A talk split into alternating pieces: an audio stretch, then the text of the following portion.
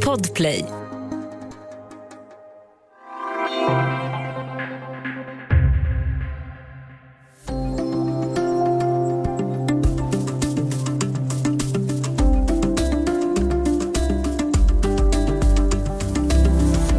Precis som väntat friades Donald Trump i riksrätten, men det rättsliga efterspelet av stormningen av Kapitolium är inte över.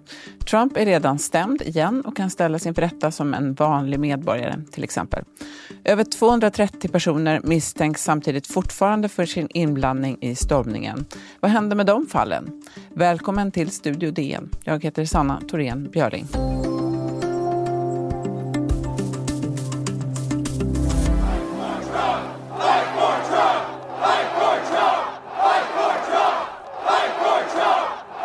Ja, de stora dragen i händelseförloppet den 6 januari var ju tydliga för alla, men detaljerna utreds fortfarande.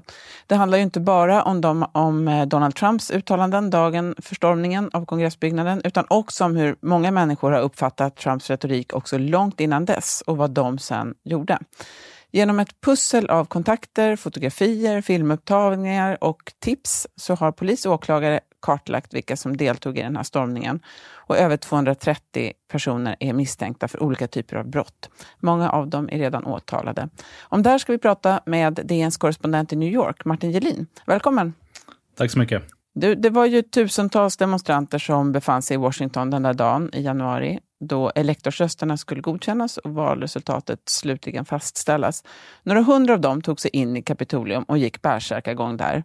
Eh, om man tittar på vilka eh, brottsrubriceringar som eh, har varit aktuella här, vad kan man säga om dem? Ja, det är ju 230 personer som är misstänkta hittills för brott under attacken. Eh, det är allt från ganska lindriga anklagelser om att ha eh, helt enkelt eh, vistats på en plats olagligt eh, till betydligt eh, tyngre anklagelser om förstörelse av, av eh, federal, eh, federala ägodelar och eh, konspiration är den tyngsta anklagelsen. Att man helt enkelt eh, organiserade den här eh, stormningen för att eh, upp, uppnå politiska mål. Eh, 32 personer är eh, misstänkta för att ha förstört eh, delar av kongressen som, som krossat fönsterrutor och eh, stulit eh, till exempel. Vi såg att de stal bland annat Nancy Pelosis dator och hennes eh, talarpodium. Eh, 28 personer enligt de, den statistik jag har från de senaste dagarna är misstänkta för våldsamma handlingar. Mm. Det är mycket om man tittar på, det är väldigt många som är, är misstänkta för just eh, olaga intrång och våld mot tjänsteman och sånt där, så att man inser sig på sig polisen. Det, hur har det gått för polis och utredare att hitta de här personerna? Ja, det var ju, det var ju ett otroligt haveri under själva attacken, att man inte hade fler poliser, att, att inte nationalgardet kom tidigare. Det, var ju, finns, det, det är också en del av utredningen varför varningarna inte togs på allvar ifall det fanns liksom, Trump-anhängare i polis och nationalgarde och andra delar av, av, av rättsväsendet som inte medvetet undvek att skicka dit eh, den säkerhetsstyrka som behövdes. Men, men, eh, men den goda nyheten för de som utreder det här är ju att det, det, det samtidigt är, så finns så mycket bevisbörda, det finns så mycket filmer och foton från, från det som hände. Eh, det beskrevs av, av utredarna som ett av de mest väldokumenterade brotten i USAs historia. Eh, det var ju många själva som filmade och, och, och, och, och liksom liveströmmade sina, sina brott. Um, så, så där har det varit ganska lätt för folk, för FBI i efterhand att kartlägga och hitta de här personerna. Många har ju också varit aktiva på sociala medier, har profiler eh, där, där de är liksom framträdande aktivister på, på olika högerextrema plattformar. Så eh, det har gjort det relativt lätt att hitta, hitta de här personerna. Mm. Det är ju väldigt olika kategorier på många sätt. Man kan se att de kommer från 26 delstater och DC i alla fall minst. Ehm, och det är ju mest vita män, men inte alls bara. Det är en rad kvinnor också. Eh, NPR bland annat, alltså radion, har ju gjort en sammanställning och det finns ju även väldigt mycket material på domstolens hemsida där man kan själv gå in och titta och läsa en massa rättsdokument.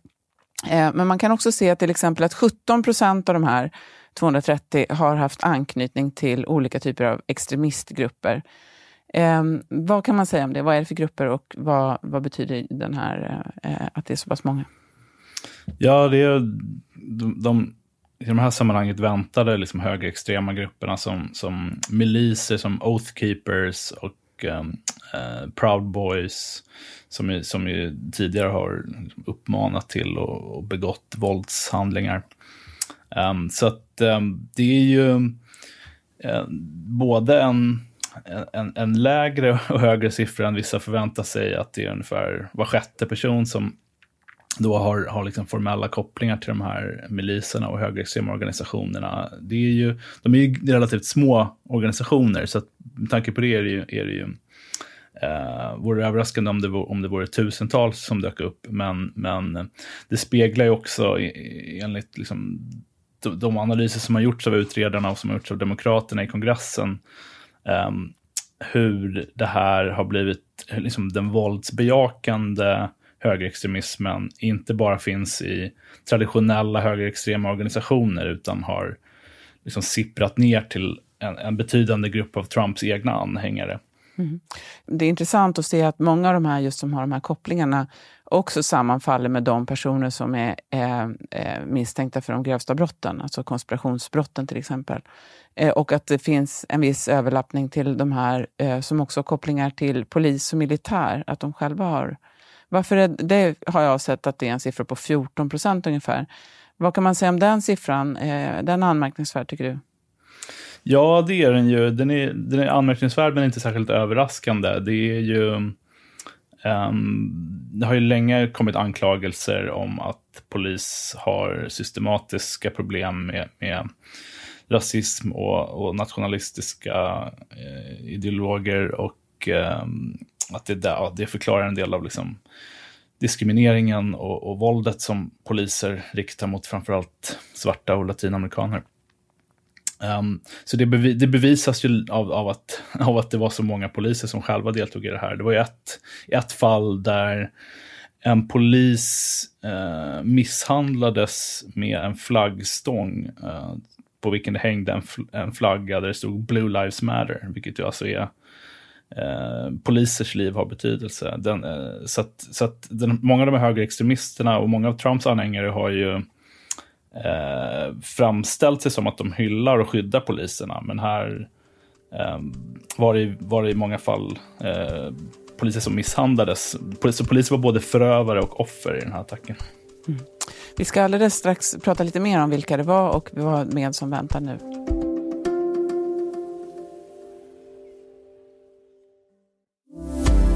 Vi pratar med DNs Martin Gelin, korrespondent i New York, om ehm, eh, utredningarna av de som stormade Kapitolium. Eh, det är ju väldigt många olika eh, personer här. Det, jag tycker det, man kan ju se, du var inne på de här Proud Boys-personerna och Oath Keepers. Man kan också se att det finns en gammal OS-medaljör i simning, en eh, sjuksköterska som har kommit från Georgia som eh, Eh, åkte dit tillsammans med sin son i militärkläder. Eh, det finns en person som var, e är 30 som var med i en känd tv-show för bara ett par månader sedan för att han hade räddat djur undan en orkan men nu dök upp. Så man kan botanisera i alla de här fallen. Eh, vilken domstol, Martin, är det som ska avgöra det här? Ja, de flesta fallen ser väl ut som att de kommer att avgöras i DC, Washington DCs federala domstol. Därför att det är federala brott helt enkelt? Precis. Mm. Det kommer också, kan också hända att det blir en eh, sanningskommission här som eh, talmannen Nancy Pelosi har tagit initiativ till. Och den ska vara sammansatt då med representanter från båda partierna. Så här har Pelosi sagt. We will be going forward to make sure that this never happens again. To investigate and evaluate what caused this, uh, both in terms of its the motivation, but also in terms of the security that we have to have as we go forward, recognizing how inflaming even some of our elected officials uh, can be. Det här är ju då parallellt med de här vanliga brottsutredningarna. Vad, vad, är, vad ska den här kommissionen göra? Ja, det var ju många som klagade på, på riksrätten att den, att den um, liksom skedde istället för en ordentlig utredning av, av det slag som man gjorde efter till exempel 9-11 här eh, efter terroristattackerna 2001. Um, ehm, men nu visar det sig att eh, Pelosi, ja, det, det ena utesluter inte det andra utan man försöker helt enkelt um, göra en mer gedigen utredning med vittnesmål från alla de personer som inte hann vi hann höra ifrån under riksrätten som, som ungefär 140 poliser som, som misshandlades och, och skadades under attacken och alla i kongressen förstås som upplevde sig eh, under dödshot. Um, så att eh, det är viktigt att det kommer fram exakt vad som skedde, i vilken roll, vilken roll republikaner i kongressen hade. Det finns ju misstankar om att eh, vissa republikaner hjälpte högerextremister och hjälpte de som attackerade kongressen och till och med avslöjade var vissa demokraters kontor fanns i kongressbyggnaderna. Så att eh, det, är ju, det är ju en process som kommer pågå under hela året här. Den, ska då, liksom, den har fått stöd från, från eh, representanter från båda partierna.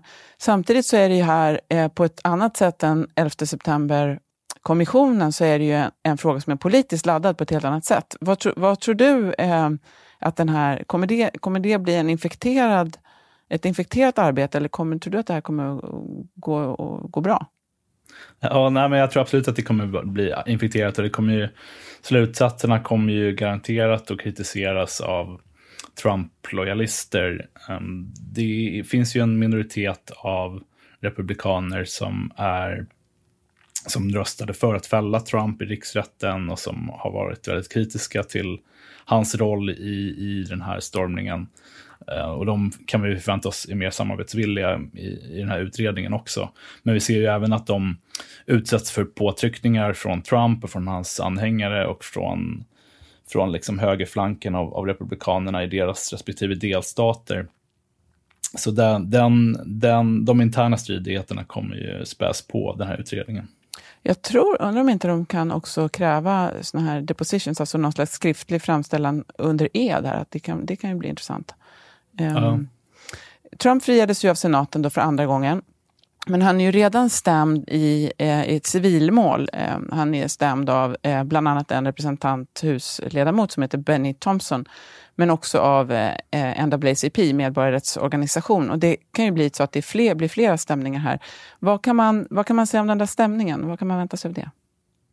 Ja, det är ju många som frågade sig under riksrätten om det, om det kunde ske en, ett, ett, ett liksom civilt rättsfall mot Trump efteråt. Um, och det har väl varit bred skepsis bland juridiska experter om, om det går att eh, döma Trump för, för att ha anstiftat eh, till, till den här attacken. Eh, han, det, det är ju, yttrandefrihetslagen är ju ganska generösa när det gäller eh, vilka ord man använder eh, och hur de sedan tolkas av åhörare för våldshandlingar. Men, men den här, eh, det här fallet som NAACP nu leder och driver Eh, Eh, det drivs ju dels av jurister som har varit väldigt framgångsrika tidigare och i många fall har vunnit eh, rättsfall mot Trump-administrationen när det gäller diskriminering och sånt. Ehm, här handlar det om en lag från 1871 som heter Ku Klux Klan Act som, som just um, handlade om eh, konsekvenserna av våldsam retorik och, och vålds, våldsamma konspirationer som, som stör kongressens arbete. Det låter ju väldigt skräddarsytt på ett sätt. Ja, det är ju såklart symboliskt eh, att, det, att det är en liksom, högerextrem eh, attack som, som, som då jämförs med, med, med 1870-talets eh, liksom, rasistiska våld blir väldigt spännande att se. Det kan ju bli fler där. Men just det, bara avslutningsvis, det, det, du säger är ju just att man får se här vad, vilka civilmål som kan vara. Till och med eh, senatens minoritetsledare där, Mitch McConnell, har ju sagt att eh, Trump mycket väl kan ställas inför rätta civilt. Det pågår ju nu ett ordkrig mellan honom och Trump. man ser starka reaktioner ute i landet och, mot de republikaner som har velat peta Trump. Eh, vad tror du eh, fortsättningsvis, hur mycket av det här kommer att handla om just Trump? Eller är det en, en större rörelse där som man ser behövs Trump för att det här, den här, de här spänningarna ska, ska bestå? Men han, är, han är ju som en um, ledargestalt för, för, för den högerpopulistiska falangen av partiet som är får väl betraktas som en, som en majoritet av partiet. Um, och den, jag, menar, jag tror de skulle klara sig bra utan Trump, men, men han är ju definitivt en viktig kraft för att mobilisera och, och elda på uh, deras uh, rörelse. Um, så vad det kommer handla med, hamna med Mitch McConnell är svårt, svårt att säga, men, men uh, han hade ju det är lite besynnerligt beteende från Mitch McConnells sida som, som ju hade en chans att fälla Trump och leda sitt parti att fälla Trump, men valde att inte göra det med, med den här ganska invecklade eh, argumentet att det, att det skulle strida mot konstitutionen att fälla en eh, president efter att han avgått som president. Men det var ju McConnell själv som valde att flytta rättegången till efter att Trump hade avgått. Så det finns ju ett mått av hyckleri där även bland, bland Mitch McConnell. Just det. det eh, utan tvekan så kommer vi att se utredningar eh, och eh, kommissionsarbete då under många månader fram, framöver. Tusen tack Martin för att du var här med idag. Tack själv. Imorgon ska vi prata om hur det kommer sig att Israel har lyckats vaccinera en mycket större andel av sin befolkning än nästan alla andra länder. Studio DN görs för Podplay av producent Sabina Marmelakai, exekutiv producent Augustin Erba, ljudtekniker Patrik Miesenberger och teknik Oliver Bergman, Bauer Media. Jag heter Sanna Thorén Björling.